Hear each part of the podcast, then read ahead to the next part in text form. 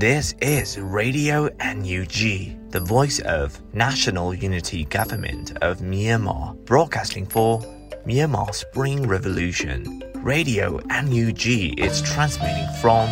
shortwave 16 meter 17.79 megahertz at 8:30 a.m. and 25 meter 11.94 megahertz at 8:30 p.m. Myanmar Standard Time. မင်္ဂလာပါခင်ဗျာ အမျိုးသားညီညွတ်ရေးအစိုးရရဲ့အတန်လွင့်ဌာန Radio NUG ကိုမနက်ပိုင်း၈နာရီခွဲမှာလိုင်းတို16မီတာစက္ကန့်တက်သမ9 MHz ညပိုင်း၈နာရီခွဲမှာလိုင်းတို25မီတာ17တက်သမ6 MHz တို့မှာဓာတ်ရိုက်ဖမ်းယူနိုင်နိုင်ပါပြီမင်္ဂလာအပေါင်းနဲ့ပြည့်စုံကြပါစေအခုချိန်ကစပြီး Radio NUG အစီအစဉ်တွေကိုဓာတ်ရိုက်အတန်မြင့်ပေးနေပါပြီ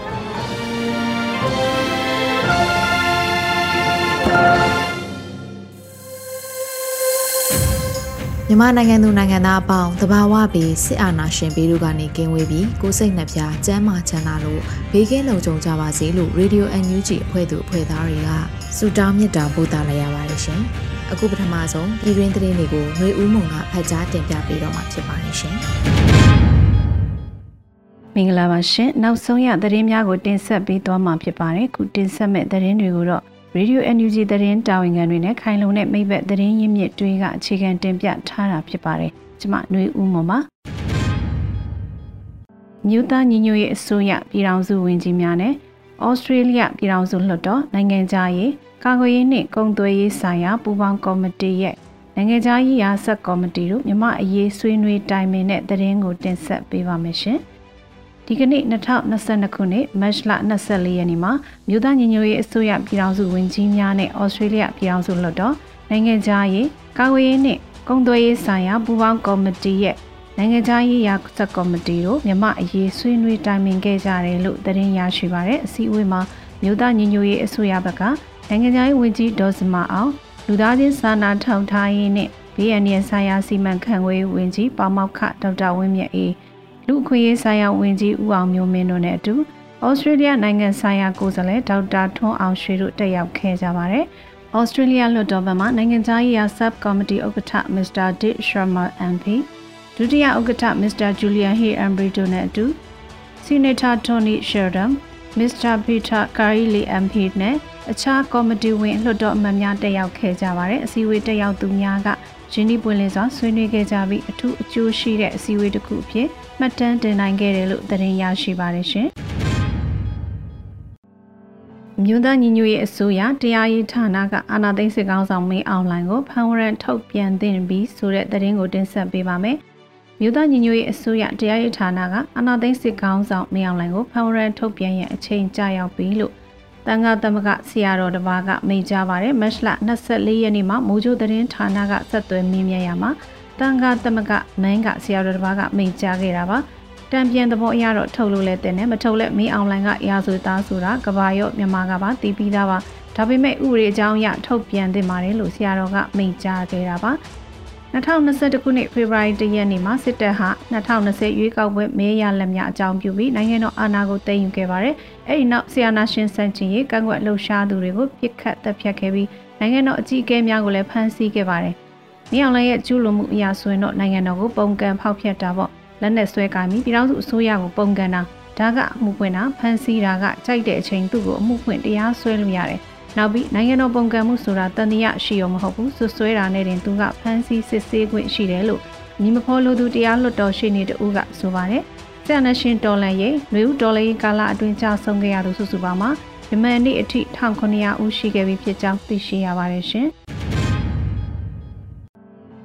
ဝဘာရွာရှိလူနေအိမ်68လုံးကိုစစ်တပ်ကမီးရှို့ဖျက်ဆီးခဲ့ပြီးနေအိမ်မီးလောင်ဆုံးရှုံးခဲ့တဲ့ပြည်သူတွေကိုတပြင်းမြို့နယ်ညီနောင်များအဖွဲ့ကတွားရောက်ကူညီခဲ့တဲ့တဲ့ရင်ကိုတင်ဆက်ပေးပါအောင်မယ်။တပြင်းမြို့နယ်ဝဘာရွာမှာရှိတဲ့လူနေအိမ်68လုံးကိုစစ်တပ်ကမီးရှို့ဖျက်ဆီးခဲ့တာကြောင့်နေအိမ်မီးလောင်ဆုံးရှုံးခဲ့တဲ့ပြည်သူတွေကိုတအိမ်နောက်3000ကျပ်နဲ့တပြင်းမြို့နယ်ညီနောင်များအဖွဲ့ကတွားရောက်ကူညီခဲ့တယ်လို့တဲ့ရင်ရရှိပါတယ်။ မတ်လ23ရက်နေ့မှာပြည်ရင်းပြည်ပစေတနာရှင်ကုငွေများကိုတပြင်းမြို့နယ်ညီနောင်များအဖွဲ့ကတွားရောက်လူရန်ပေးခြင်းဖြစ်ပါတယ်။ဝါဘာကျွောမီးရှို့ဖျက်ဆီးခံရသည့်နေအိမ်68အိမ်အတွက်တအိမ်လျင်3000ကျပ်စီနှင့်မီးလောင်တန်ရာရရှိသည့်အဖွာအတွက်9000ကျပ်စုစုပေါင်းကျပ်သိန်း26တောင်းကျပ်ကိုမြေပြင်အကူအညီပေးအကောင့်ထဲပေါ်ဆောင်ရွက်ခဲ့ပါတယ်ခင်ဗျာအနေနဲ့အရရမှပေးအပ်ကူညီလူဒန်းသည့်အဝိအထည်နှင့်စောင်းချဏောင်များကိုလည်း တပါးတည်းပေးအပ်ကူညီလှူဒန်းပေးခဲ့ပါတယ်လို့တပင်းမြို့နယ်ညီနောင်များအဖွဲ့ကဆိုပါတယ်။မတ်လ9ရက်နေ့ကဝါဘာကျွရွာကိုစစ်ကောင်စီတပ်ဝါဘာဒလန်များနဲ့ပေါင်းပြီးမီးရှို့ဖျက်ဆီးခဲ့တဲ့အတွက်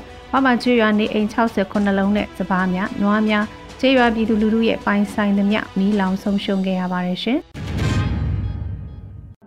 နိုင်ငံဝန်းရှိအကျဉ်းအောင်သီးသီးမှာစစ်ကောင်စီကပုံမှန်မျိုးစုံတက်ပြီးဖမ်းဆီးချုပ်နှောင်ခြင်းခံထားရသူတပေါင်းနီးပါးရှိနေပြီဆိုတဲ့သတင်းကိုတင်ဆက်ပေးပါအောင်မယ်။ နိုင်ငံဝမ်းမှာရှိတဲ့အကျဉ်းအောင်သီးသီးမှာစစ်ကောင်စီကပုံမှန်မျိုးစုံတက်ပြီးဖမ်းဆီးချုပ်နှောင်ခြင်းခံထားရသူ9800ကျော်ရှိပြီဖြစ်ကြောင်းသိရပါတယ်။နိုင်ငံရေးအကျဉ်းသားများကုညီဆောက်ရှောက်ရေးအသင်း AAPP ကကောက်ခံရရှိတဲ့မှတ်တမ်းများအရ2021ခုနှစ်ဖေဖော်ဝါရီလ1ရက်နေ့မှ2022ခုနှစ်မတ်လ23ရက်နေ့ထိတိုင်ဖမ်းဆီးချုပ်နှောင်ခြင်းခံထားရသူစုစုပေါင်း9883ဦးရှိပြီး၎င်းတို့အနက်မှာ868ဦးမှာထောင်ဒဏ်ချမှတ်ခြင်းခံထားရပါတယ်။ အဲ့ဒီပြည်တန်းကြခံရသူတွေမှာမှအသက်18နှစ်အောက်ကလေး2ဦးအပါအဝင်52ဦးမှာတည်တံချမှတ်ခံထားရတာပါဒါအပြင်ဖောင်ရန်ထုတ်ချင်းခံထားရတာကြောင့်တိန့်ရှောင်နေရသူ1983ဦးရဲ့အမည်စင်းကိုလည်းတီးခြားဖော်ပြထားပြီး၎င်းတို့အနက်မှာမြက်ကွယ်တည်တံချမှတ်ခြင်းခံရသူ39ဦးအပါအဝင်118ဦးမှာမြက်ကွယ်ပြည်တန်းချမှတ်ခြင်းခံထားရပါတယ်ဒါကြောင့်တည်တံချမှတ်ခံထားရသူစုစုပေါင်း62ဦးရှိပြီဖြစ်ပါတယ်ရှင်။ မင်းမှုခရိုင်ဗရန်မြို့ဗရန်ရဲစခန်းအနီးကင်းလှည့်လာတဲ့ရဲများကိုနောက်ပိုင်းတိုင်းမြေအောက်စစ်စင်ရေးမဟာမိတ်အထူးအဖွဲ့ကတိုက်ခိုက်တဲ့သတင်းကိုတင်ဆက်ပေးပါမယ်။မင်းမှုခရိုင်ဗရန်မြို့ဗရန်ရဲစခန်းအနီးမှာကင်းလှည့်လာတဲ့ရဲတွေကိုနောက်ပိုင်းတိုင်းမြေအောက်စစ်စင်ရေးမဟာမိတ်အထူးတပ်ဖွဲ့ကဖောက်ခွဲတိုက်ခိုက်ခဲ့တယ်လို့သတင်းရရှိပါရယ်။မတ်လ23ရက်နေ့ည8:40အချိန်ဗရန်မြို့ဗရန်ရဲစခန်းအနီးကင်းလှည့်လာတဲ့ရဲတွေကိုတိုက်ခိုက်ခဲ့တယ်လို့နောက်ပိုင်းတိုင်းမြေအောက်စစ်စင်ရေးမဟာမိတ်အထူးတပ်ဖွဲ့ကဆိုပါရယ်။ မတ်လ23ယမနေ့ည8:40မိနစ်အချိန်ကမင်းမှုခရိုင်ဗရန်မြို့ဗရန်ရဲစခန်းအနီးကင်းလဲလာတဲ့ရဲတပ်ဖွဲ့ဘက်ကင်းအားနောက်ပိုင်းတိုင်းမြေအောက်စစ်စင်ရေးမဟာမိတ်အထူးတပ်ဖွဲ့ရဲဘော်များမှနက်နက်သည့်အကြီးစားတစ်လုံးကျွေးခဲ့ပါတယ်လို့ဖော်ပြထားပါတယ်။ဖောက်ခွဲတိုက်ခတ်မှုကြောင့်ရဲများထိခိုက်ဒဏ်ရာရမှုများရှိနိုင်တယ်လို့သိရပါတယ်။တော်လိုင်းရဲဘော်များအောင်မြင်စွာပြန်လည်ဆုတ်ခွာနိုင်ခဲ့ကြပါတယ်။ခုချိန်ခါပြည်သူခုခံတွန်းလှန်စစ်အရှိန်အဟုန်မြင့်တက်လာပြီဖြစ်လို့ နောက်ပိုင်းတိုင်းမြေအောက်စစ်စင်ရေးမဟာမိတ်အထူးတပ်ဖွဲ့အနေနဲ့လည်းပုံမိုထိရောက်ပြင်ထန်တဲ့စစ်စင်ရေးများကိုအရှိန်မြင့်လှုပ်ဆောင်လာမည်ဖြစ်တဲ့အတွက်မိဘပြည်သူများအနေနဲ့တော်လှန်ရေးမှာမိမိတို့ကြာရနိုင်ရန်တောင်းများကိုပါဝင်ထမ်းဆောင်ကြရင်မိမိတို့လုံခြုံရေးအတွက်စစ်ကောင်စီတပ်များရဲများနဲ့ကင်းကင်းရှင်းရှင်းနေကြရင်နောက်ပိုင်းတိုင်းမြေအောက်စစ်စင်ရေးမဟာမိတ်အထူးတပ်ဖွဲ့ကဆိုပါရရှင်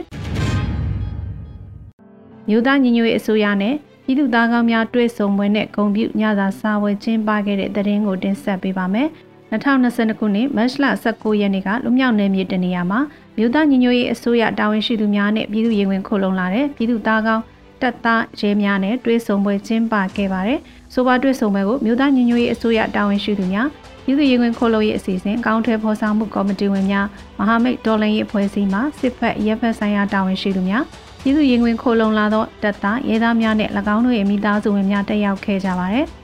ဆိုပါတွေ့ဆုံပွဲမှာမြို့သားညီညွတ်ရေးအစိုးရယာယီသမ္မတကြီးဒူဝါလက်ရှိလာနဲ့ကာကွယ်ဝင်ကြီးဦးရင်မိုးတို့မှပေးပို့သောအားပေးစကားနဲ့ဂုဏ်ပြုသဝင်လာများကိုဖတ်ကြားခဲ့ပြီးကျမရေးဝန်ကြီးဌာနနဲ့ပညာရေးဝန်ကြီးဌာနတာဝန်ရှိသူများကလက်ရှိမြို့သားညီညွတ်ရေးအစိုးရရဲ့လုပ်ငန်းများကိုရှင်းလင်းပြောကြားခဲ့ပါတယ်။ပြည်သူ့ရင်ဝင်ခိုလုံရေးအစီအစဉ်အကောင့်ထဲပေါ်ဆောင်မှုကော်မတီမှတာဝန်ရှိသူများကလည်းကော်မတီရဲ့လက်ရှိလှုပ်ဆောင်နေတဲ့လုပ်ငန်းတာဝန်များနဲ့ရှေ့ဆက်လှုပ်ဆောင်မဲ့လုပ်ငန်းများကိုပြည်သူ့သားကောင်းတပ်သားရဲများနဲ့ ပြန်လှန်ပုံမလင်းလေးရှင်းလင်းဆွေးနွေးခဲ့ကြပြီးညနေပိုင်းမှာပြည်သူသားကောင်းများနဲ့အတူဂုံပြုညစာစားဝယ်ပြုလုပ်ခဲ့ကြပြီးတွေ့ဆုံပွဲကိုပျော်ရွှင်စွာအဆုံးသတ်ခဲ့ကြပါတယ်ရှင်။တော်လိုင်းကာလအတွင်းအနာသိန်းစေကောင်းဆောင်ကပြည်သူများအာယုံကိုလှည့်စားရန်အဖမ်းဆီးများပြနေတဲ့သတင်းကိုတင်ဆက်ပေးပါမယ်။တော်လိုင်းကာလအတွင်းအနာသိန်းစေကောင်းဆောင်ကပြည်သူတွေရဲ့အာယုံကိုလှည့်စားရန်အတွက်အဖမ်းအဆီးများပြနေတယ်လို့သတင်းရရှိပါတယ်။ ဒလသမရကန်းကျင်အပါဝင်မြေယာကိစ္စနောက်ဆက်တွဲရန်ကုန်မြို့တော်ဝင်ဥပိုထေးနဲ့အခြားဆက်ဆက်သူတွေကိုခေါ်ယူစစ်ဆေးနေတယ်လို့သိရပါတယ်။ဖမ်းပြီးထောင်ထဲပို့တာတော့မဟုတ်သေးဘူးဗျ။ခေါ်ယူစစ်ဆေးနေတဲ့သဘောပါလို့ရန်ကုန်မြို့တော်စီပင်သားယာရေးဌာနကအရာတန်းတဦးကဆိုပါတယ်။ဒါအပြင်ရန်ကုန်တိုင်းကစစ်ကောင်စီခန့်စီးပွားရေးဝန်ကြီးဦးအောင်တန်းဦးကပါခေါ်ယူစစ်ဆေးနေတယ်လို့သိရှိရပါတယ်။မတ်လ23ရက်ညမှာဦးရဲထွတ်တိုးနိုင်မှဦးကျော်ဆွေတို့ဖမ်းဆီးခဲ့ရကြောင်းသတင်းဌာနများက ဖော်ပြခဲ့ကြပေမဲ့ဦးရဲထွတ်ကသူ့အဖမ်းမခံရဘူးလို့လူမှုကွန်ရက်မှာရှင်းလင်းပြောဆိုထားပါတယ်။ဒါတွေကအာနာသိန်းစေကောင်းဆောင်ကိုယ်တိုင်အာဂရိပုံရိပ်သူကင်းစင်တယ်လို့တစ်ဖက်ကပြပြီးတစ်ဖက်ကဒီသတင်းတွေနဲ့တော်လန်ရေးကိုစိတ်ဝင်စားနေတဲ့လူတွေရဲ့အာယုံကိုသူလှည့်စားနေတာပါပဲလို့ရန်ကုန်မြို့မှာရှိတဲ့အမည်မဖော်လို့သူနိုင်ငံရေးသုံးသက်သူကဆိုပါတယ်ဇေကမဥခင်ရွှေနဲ့တာဦးစေသီဟာတို့ကိုမတ်လ22ရက်နေ့နက်ပိုင်းက ဗဟန်းမြို့နယ်မှာရှိတဲ့နေအိမ်မှာဖမ်းဆီးခဲ့တာပါဒါအပြင်ဇေကမပြတဲ့ဝန်ထမ်း12ဦးကိုလည်းစကောင်စီကဖမ်းဆီးခဲ့ပြီးနောက်ပိုင်ဆိုင်မှုများချိတ်ပိတ်သိမ်းဆဲတယ်လို့သိရှိရပါတယ်ဇေကဘာခင်ရွှေနဲ့တားဖြစ်သူစေတီဟာကိုရန်ကုန်တိုင်းစစ်ထောက်ချုပ်ရုံးကရှေးဟောင်းအဆောက်အုံများကာဝယ်ထိန်းသိမ်းစောင့်ရှောက်ရေးဥပဒေနဲ့အမှုဖွင့်တာကြောင့်တားဖနှစ်ဦးစလုံးဖမ်းဆီးပြီးအင်းစိန်အကျဉ်းထောင်ကိုပို့ဆောင်ခဲ့တယ်လို့သိရပါတယ်။စစ်ကောင်စီကဖမ်းဆီးပြီးနောက်မှာခုလိုအကောင့်ကြီးကြီးအမိရှေရှေတွေရဲ့ငွေကြေးဥစ္စာဒနာတွေအရင်အနည်းတွေအဆက်အသွယ်တွေကို အာနာရှင်အဆက်အဆက်တွေကတိမ့်ပိုက်ကြဝေစုတွေခွဲချမ်းကြတာလုပ်ကြမယ်။ခြားစားတဲ့ဝန်ထမ်းတွေထောင်လန်းရေးတွေအခွက်သားတွေကလည်းငွေညစ်ကြတာအကြက်ကင်ကြတာတွေထုံးစံအတိုင်းလုပ်ကြအောင်မယ်လို့သတင်းသမားတဦးကမှတ်ချက်ပေးပါတယ်ရှင်။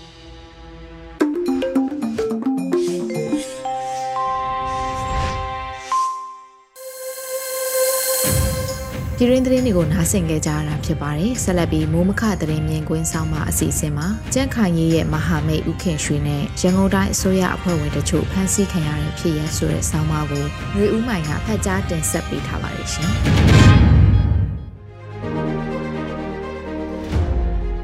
ကြန့်ခိုင်ရေးရဲ့မဟာမိတ်ဥခင်ရွှေနဲ့ရန်ကုန်တိုင်းအစိုးရအဖွဲ့ဝင်တို့ဖမ်းဆီးခံရတဲ့ဖြစ်ရက်ခုရပိုင်းသတင်းတွေထဲစိတ်ဝင်စားကြတဲ့သတင်းတစ်ပုဒ်ကတော့ ခရိုနီလို့ခေါ်ဆိုကြတဲ့အာနာပိုင်တွေနဲ့နှိစက်ပြီးချမ်းသာကြတဲ့လုပ်ငန်းမျိုးစုံလုပ်ကိုင်သူလုပ်ငန်းရှင်ကြီးတွေထဲကတဦးဖြစ်တဲ့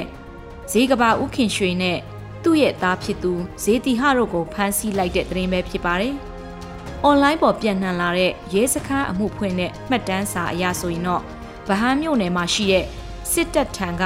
အငှားစာချုံနဲ့ငှားရမ်းထားတဲ့မြေပေါ်ကအဆောက်အဦကို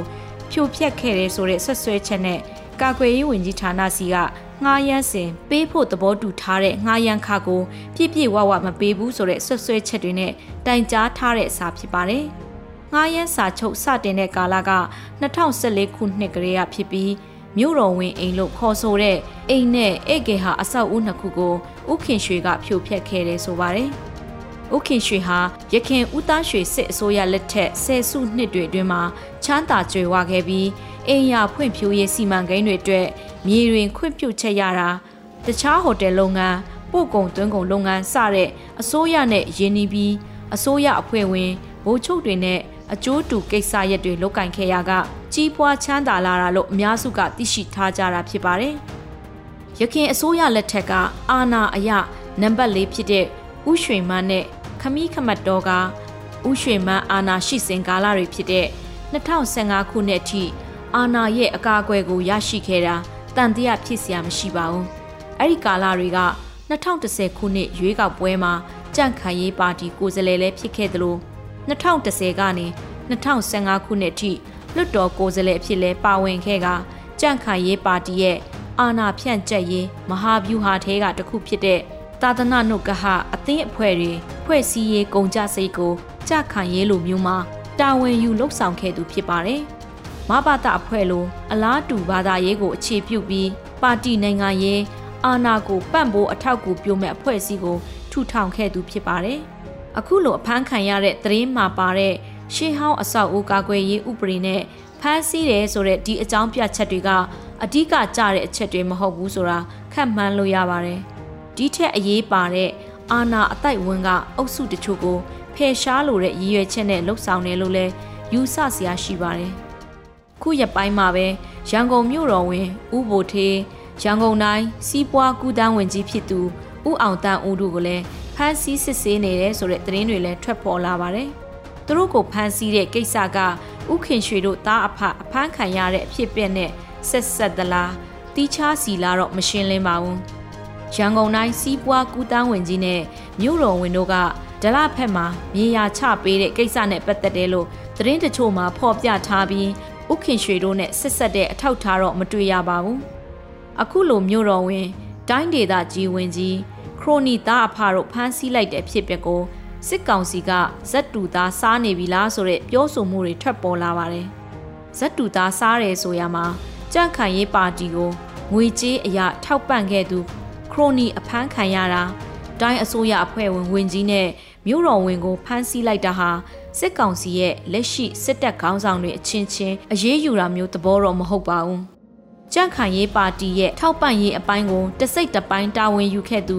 ကြန့်ခိုင်ရေးအတွက်ဘာသာရေးအဖွဲ့အစည်းတစ်ခုကိုထူထောင်ပတ်မိုးပေးခဲ့သူနဲ့တချိန်က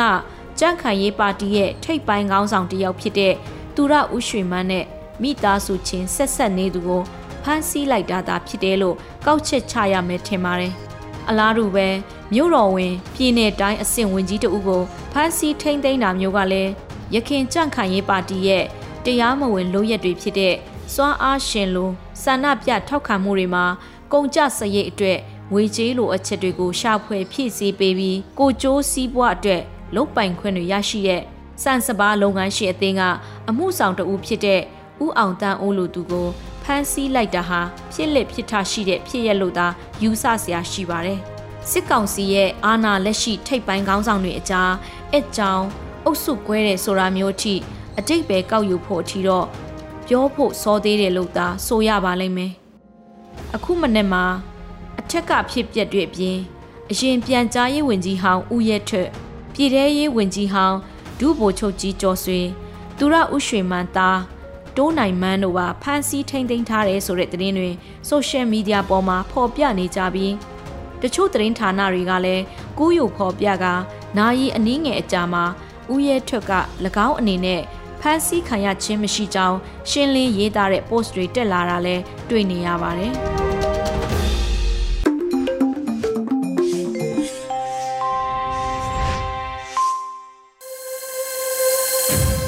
Radio NUG မှာဆက်လက်အသံလွှင့်နေပါတယ်။တယောစာကဏ္ဍမှာအောင်နေမျိုးတင်ဆက်ပေးထားတဲ့တက်ပြက်လူလူဖိုးတက်ဖို့အပိုင်း39ကိုနားဆင်ကြရပါမယ်ရှင်။တော်စေအကြောင်းတွေတက်ပြက်လူလူမထူးစားခင်းနေပါဖိုးတက်လူတက်ပြက်လူလူ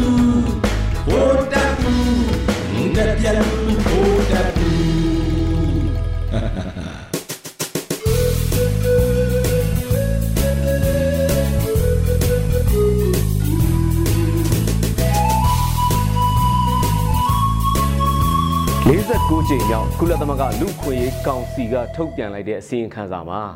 စစ်ကောင်စီအတွက်သွေးပြက်စေမဲ့သတင်းလေးတော့ပါလာပြီမျိုးဗိုလ်တပ်ဘူးကျင်ဆိုးတက်ဟာအပြစ်မဲ့ပြည်သူတွေကိုဥကောင်းကိုတဲ့တဲ့ပြစ်ခတ်တပ်ဖြတ်တာမိရှို့တပ်ဖြတ်တာမတရားညှဉ်းပန်းနှိပ်စက်ဖမ်းဆီးတာလူသားတိုင်းအဖြစ်တုံးချတာလက်နက်ကြီးလက်နက်ကွယ်တွေတုံးပြီးတော့အရက်သားတွေကိုလေချောင်းကနေဘုံကျဲတိုက်ခိုက်တာတွေဟာလူသားမျိုးနွယ်စုပေါ်ကျူးလွန်တဲ့ ရာဇဝတ်မှုတွေဆိုပြီးတော့တက်တဲ့အထောက်ထားတွေနဲ့ထုတ်ပြန်ပြီးအရေးယူပေးဖို့ကုလသမဂ္ဂမဟာမင်းကြီးကတောင်းဆိုလိုက်တဲ့ဗျာဒါရင်မကသေးဘူးကရင်နီဘက်မှာလည်းအစုလိုက်ပြုံလိုက်တပ်ဖြတ်မှုတွေကိုဩစတြေးလျနိုင်ငံတရားရုံးကနေတရားစွဲဖို့လုပ်နေကြပြန်ပြီလေဗိုလ်တပ်ဘူးကျင်ဆိုးတယောက်စိတ်ကြစိတ်နာဖြစ်ပြီးရုပ်ပါဂျုံဂျုံကြကြဖြစ်နေရတာကလည်းမပြောနဲ့လေအပြင်မှာမီးမလင်းပေမဲ့တက်တွင်းဘိုးကတော်တွေနောက်မီးလင်းကုန်ကြတဲ့ပြဿနာ ပြည်သူဘက်ကိုပြောင်းသွားတဲ့တက်ပြောင်းနေရဲ့ပြဿနာတွေတက်တွင်းစုပူမှုဖြစ်ကုန်ကြတာတွေအမေရိကန်ကြီးကလည်းဒေါ်လာ136တန်းဒီမိုဘတ်တော်သားတွေကိုပေးမယ်ဆိုတာတွေပေါ့အားလုံးစုပေါင်းပြီးတော့တွေးတက်ပြီးတော့ရုပ်ပါကြယုံနဲ့မကဘူးအဝီစီပါတန်းကြတဲ့အနေထားဖြစ်နေပြီလေပသိမ်အမှတ်6တက်မှာလဲသတင်းတွေပေါ်လာတယ်ဗျာလင်တက်သားရှည်တန်းသွားရင်လိုင်းကန်းကမယားကြီးတွေကိုဘူကြီးတွေကဝင်ဝင်လုံနေတဲ့အဲအချို့ကြတော့လဲဝင်လုံးစရာကိုမလိုဘူးတဲ့ဗျာ လင်းရှည်တန်းမရနောက်တန်းတိုက်ပေးနေကြတာ哦အတန်ပြိုင်းကိုစုံစမ်းစီနေတော့တာပဲဟောနောက်ထပ်လာပြန်ပြီဗိုလ်တပ်ပုအတွက်သွေးပြက်စေတဲ့သတင်းတစ်ပုဒ်ပဲလူနယ်ကြီးပဲပါပါစေဩစတြေးလျနိုင်ငံကဗိုလ်တပ်ပုကျင်ဆိုးလက်အောက်ကသာယုံထွက်ခဲ့လိုက်ဘူကြီးဘူကလေးတက်သားမကြံအကုန်လက်ခံနေတဲ့ဗျာမပုံတဲ့ passport showmani granta မလိုပဲစစ်ကောင်စီတက်သားမောင်ခေါင်ကြီးတို့ဖြစ်ပါတယ်ဆိုတာနဲ့အော်စီလန်းကအော်တိုပွင့်သွားပြီဗျာ ချင်းကြထမ်းပြတာမျိုးအပွင့်မြင်ရင်ပဲပြေးပြီး BJ ပေးတာမျိုးကြက်ခိုးပြတာမျိုးကုတ်ချောင်းချောင်းနဲ့ချင်းကြထမ်းပြတာမျိုးအာကာထွန်းပေါင်းပြီးချက်လျှောဝစ်ပြတာမျိုးလောက်နဲ့လောက်ပြရင်ပဲကွန်ဖမ်းရပြီတယ်လေဆေးဘူးဆိုလို့ရှိရင်သုံးတက်ဂိတ်ဖုတ်ပြတာမျိုးလေပဲဆိုလို့ရှိရင်အေးဦးရွှေကိုင်းအစုပ်လေးဝစ်ပြပြီးရူဘီခဲပြတာမျိုးတန်ရတက်ရလေးတွေလောက်ပြပြီးအန်ဒေါ်ယုံပဲပေါ့ဗျာအဲတကယ်ပဲမစီရဲပဲနဲ့လားလားတွေ တွားမပွားနဲ့ဟာသားလုံရင်တော့တဘာဝတုံးနဲ့တွေ့ကြရတော့မှာမဲဟိုဘက်ကဘလက်လစ်ထိတယ်လို့မျိုးစစ်ကောင်စီကလည်းအရှင်ထားမှာမဟုတ်ဘူးလေ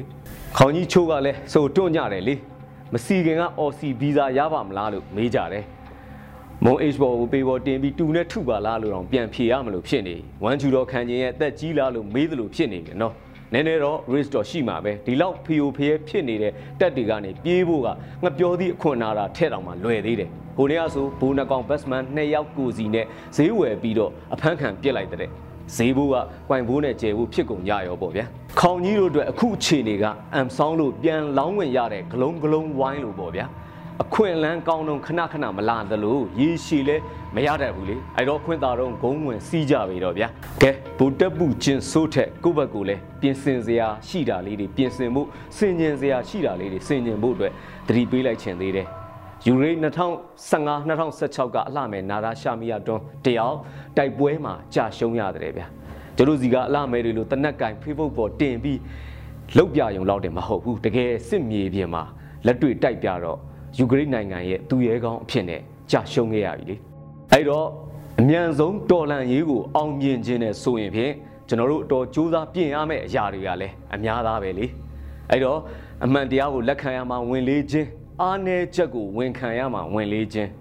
ပြုပြင်ပြောင်းလဲရမှာကိုဝင်လေးခြင်းလူမမှန်နေရမမှန်ကိုဖယ်ရှားရမှာဝင်လေးခြင်းအကျိုးပြုသူကိုအတိမတ်ပြုပေးရမှာဝင်လေးခြင်းမကောင်းမှုကိုထုတ်ဖော်ပြောရမှာဝင်လေးခြင်းစသည်စသည်အရာလေးတွေကိုကိုရဲဘော်ရဲဘက်အချင်းချင်းသတိပဏ္ဏပေးခြင်းကိုကိုယ်တိုင်ကလည်းပြင်ဆင်ကြရင်လည်းရေးတော်ပုံကြီးအမြန်ဆုံးအောင်မြင်အောင်ကြိုးပမ်းရမှာပဲအဲ့တော့ရေးတော်ပုံအောင်ကိုအောင်ရမယ်ဗျာ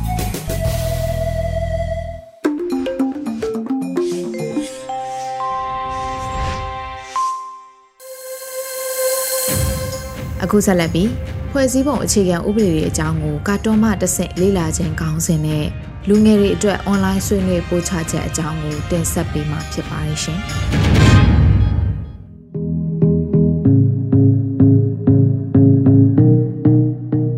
အမျိုးသားညီညွတ်ရေးအစိုးရပညာရေးဝန်ကြီးဌာနကစီစဉ်တဲ့ဖွဲ့စည်းပုံအခြေခံဥပဒေတွေအကြောင်းကိုကာတွန်းမှတဆင့်လေ့လာခြင်းဆိုတဲ့ခေါင်းစဉ်နဲ့လူငယ်တွေအတွက်အွန်လိုင်းဆွေးနွေးပို့ချချက်အကြောင်းကိုမိတ်ဆက်ပေးချင်ပါတယ်။ My Constitution ကဖွဲ့စည်းပုံအခြေခံဥပဒေတစ်ခုဆိုတာဘာလဲကျွန်ုပ်တို့ရဲ့နေ့စဉ်ဘဝတွေအပေါ်မှာဖွဲ့စည်းပုံအခြေခံဥပဒေရဲ့တက်ရောက်မှုတွေကဘာတွေလဲဖွဲ့စည်းပုံအခြေခံဥပဒေတစ်ခုကိုအကောင့်ထဲပေါ်ဆောင်မှုအစိုးရနဲ့တခြားနိုင်ငံအဖွဲ့အစည်းတွေကဘာတွေလှုပ်ဆောင်ဖို့လိုအပ်တယ်လဲဆိုတာတွေနဲ့ပတ်သက်ပြီးသိရှိလိုတဲ့လူငယ်တွေအတွက် online ဆွေးနွေးပို့ချချက်တရက်ကိုဧပြီလ10ရက်နေ့မှာကျင်းပပြုလုပ်သွားဖို့ရှိပါတယ်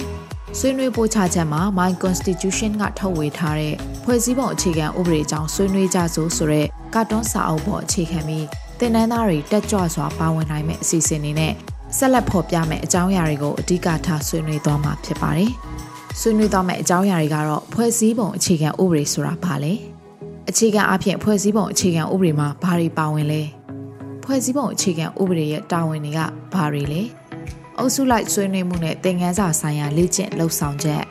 ဖွဲ့စည်းပုံအခြေခံဥပဒေအကြောင်းဆွေးနွေးကြဆိုဆိုတဲ့ကာတွန်းပေါ်အခြေခံတဲ့ဂိမ်းအစီအစဉ်တွေပါဝင်မှာဖြစ်ပါတယ်။ online ဆွေးနွေးပွဲဟာအသက်17နှစ်နဲ့20ကြားရှိတဲ့လူငယ်တွေအတွက်ရည်ရွယ်ထားတာဖြစ်ပါတယ်။ဖွဲ့စည်းပုံအခြေခံဥပဒေနဲ့ပတ်သက်တဲ့အခြေခံတည်တဲ့နာတွေကိုပုံမသိရှိနားလည်ခြင်းနဲ့ဆိုရင်ဆွေးနွေးပွဲမှာပါဝင်မှုနှွေးထွေးစွာဖိတ်ခေါ်လိုပါတယ်။အခုဆွေးနွေးပွဲမှာပါဝင်နိုင်မှုလှုံ့ဆော်ရမယ့်အချက်တွေကတော့ အမျိုးသားညီညွတ်ရေးအစိုးရပညာရေးဝန်ကြီးဌာနရဲ့ Facebook လူမှုကွန်ရက်စာမျက်နှာမှာဖော်ပြထားတဲ့ link ကိုဝင်ရောက်ပြီးတော့ဧပြီလ၄ရက်နေ့နောက်ဆုံးထားပြီးစာရင်းပေးသွင်းရပါမယ်။စာရင်းပေးသွင်းပြီးတာနဲ့ဆွေးနွေးပွဲတက်ရောက်နိုင်ဖို့ link ကိုပေးပို့မှာဖြစ်ပါတယ်။ဆွေးနွေးပွဲမှာအုပ်စုလိုက်လေ့ကျင့်လှုပ်ဆောင်မှုမှာအခြေခံမဲ့ဖွဲ့စည်းပုံအခြေခံဥပဒေကြောင့်ဆွေးနွေးကြဆိုကတ်တုံးကိုပညာရေးဝန်ကြီးဌာနရဲ့ page မှာဖော်ပြထားတဲ့ link ကနေတဆင့်ကြိုတင်ဖတ်ရှုထားရမှာဖြစ်ပါတယ်ရှင်။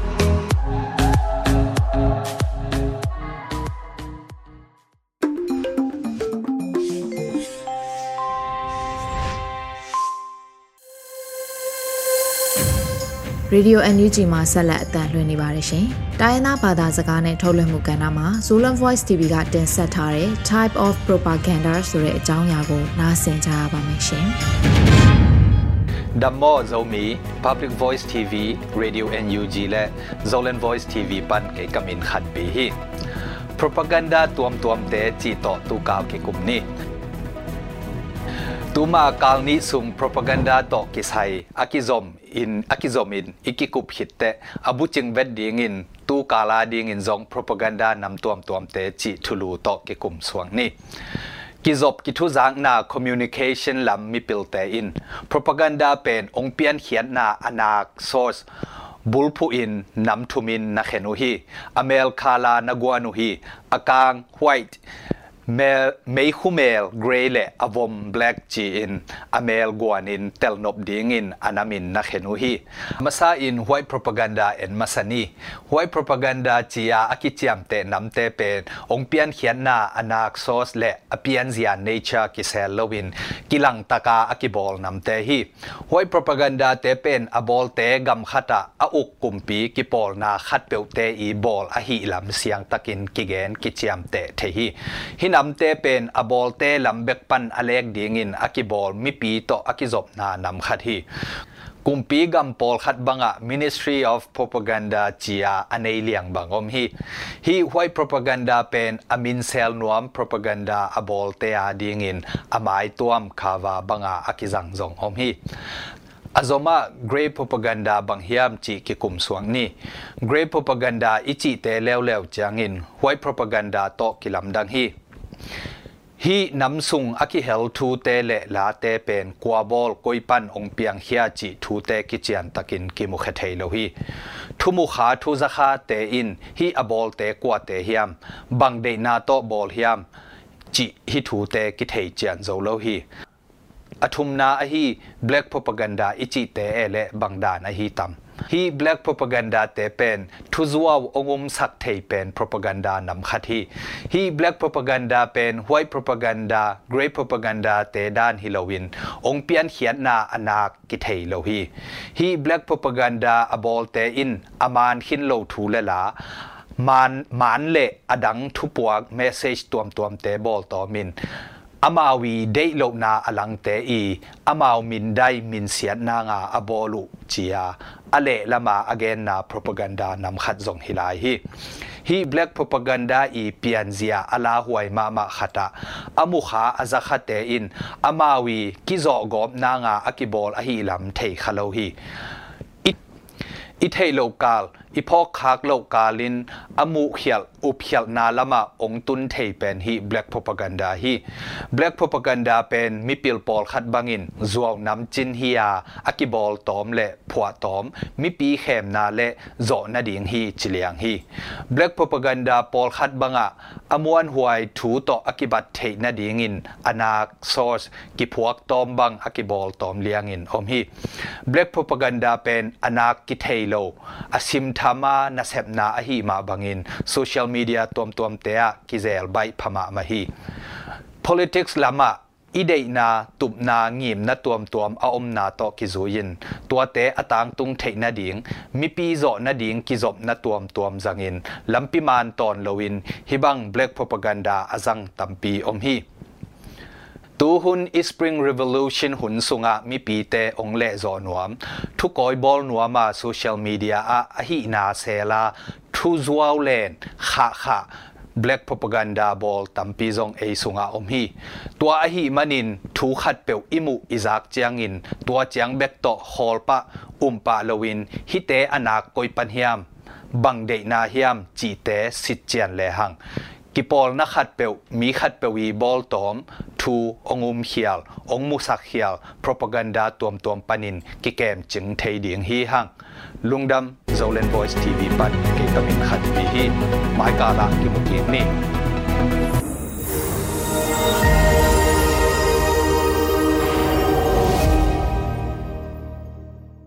ဒီကနေ့ကတော့ဒီညနေပဲ Radio NUG ရဲ့အစည်းအဝေးကိုခਿੱတရရနိုင်ပါမယ်။ မြန်မာစံတော်ချိန်မနက်၈နာရီခွဲနဲ့ည၈နာရီခွဲအချိန်တွေမှာပြန်လည်ဆုံးဖြတ်ကြပါစို့ Radio NUG ကိုမနက်ပိုင်း၈နာရီခွဲမှာလိုင်းဒို16မီတာစက္ကန့်တသမ9 MHz ညပိုင်း၈နာရီခွဲမှာလိုင်းဒို25မီတာ17သမ6 MHz တို့မှာဓာတ်ရိုက်ဖမ်းယူနိုင်နိုင်ပါပြီမြန်မာနိုင်ငံသူနိုင်ငံသားများကိုစိတ်နှပြကျမ်းမာချမ်းသာလို့ဘေးကင်းလုံခြုံကြပါစေလို့ Radio NUG အဖွဲ့သူအဖွဲ့သားများကဆုတောင်းလိုက်ရပါတယ်။အမျိုးသားညီညွတ်ရေးအစိုးရရဲ့စက်သွေးရေးတရင်အချက်အလက်နဲ့ဤပညာဝန်ကြီးဌာနကထုတ်လွှင့်နေတဲ့ Radio NUG ဖြစ်ပါတယ်။ San Francisco Bay Area အခြေစိုက်မြန်မာမိသားစုများနဲ့နိုင်ငံတကာကစေတနာရှင်များလုပ်အားပေးများရဲ့ Radio NUG ဖြစ်ပါတယ်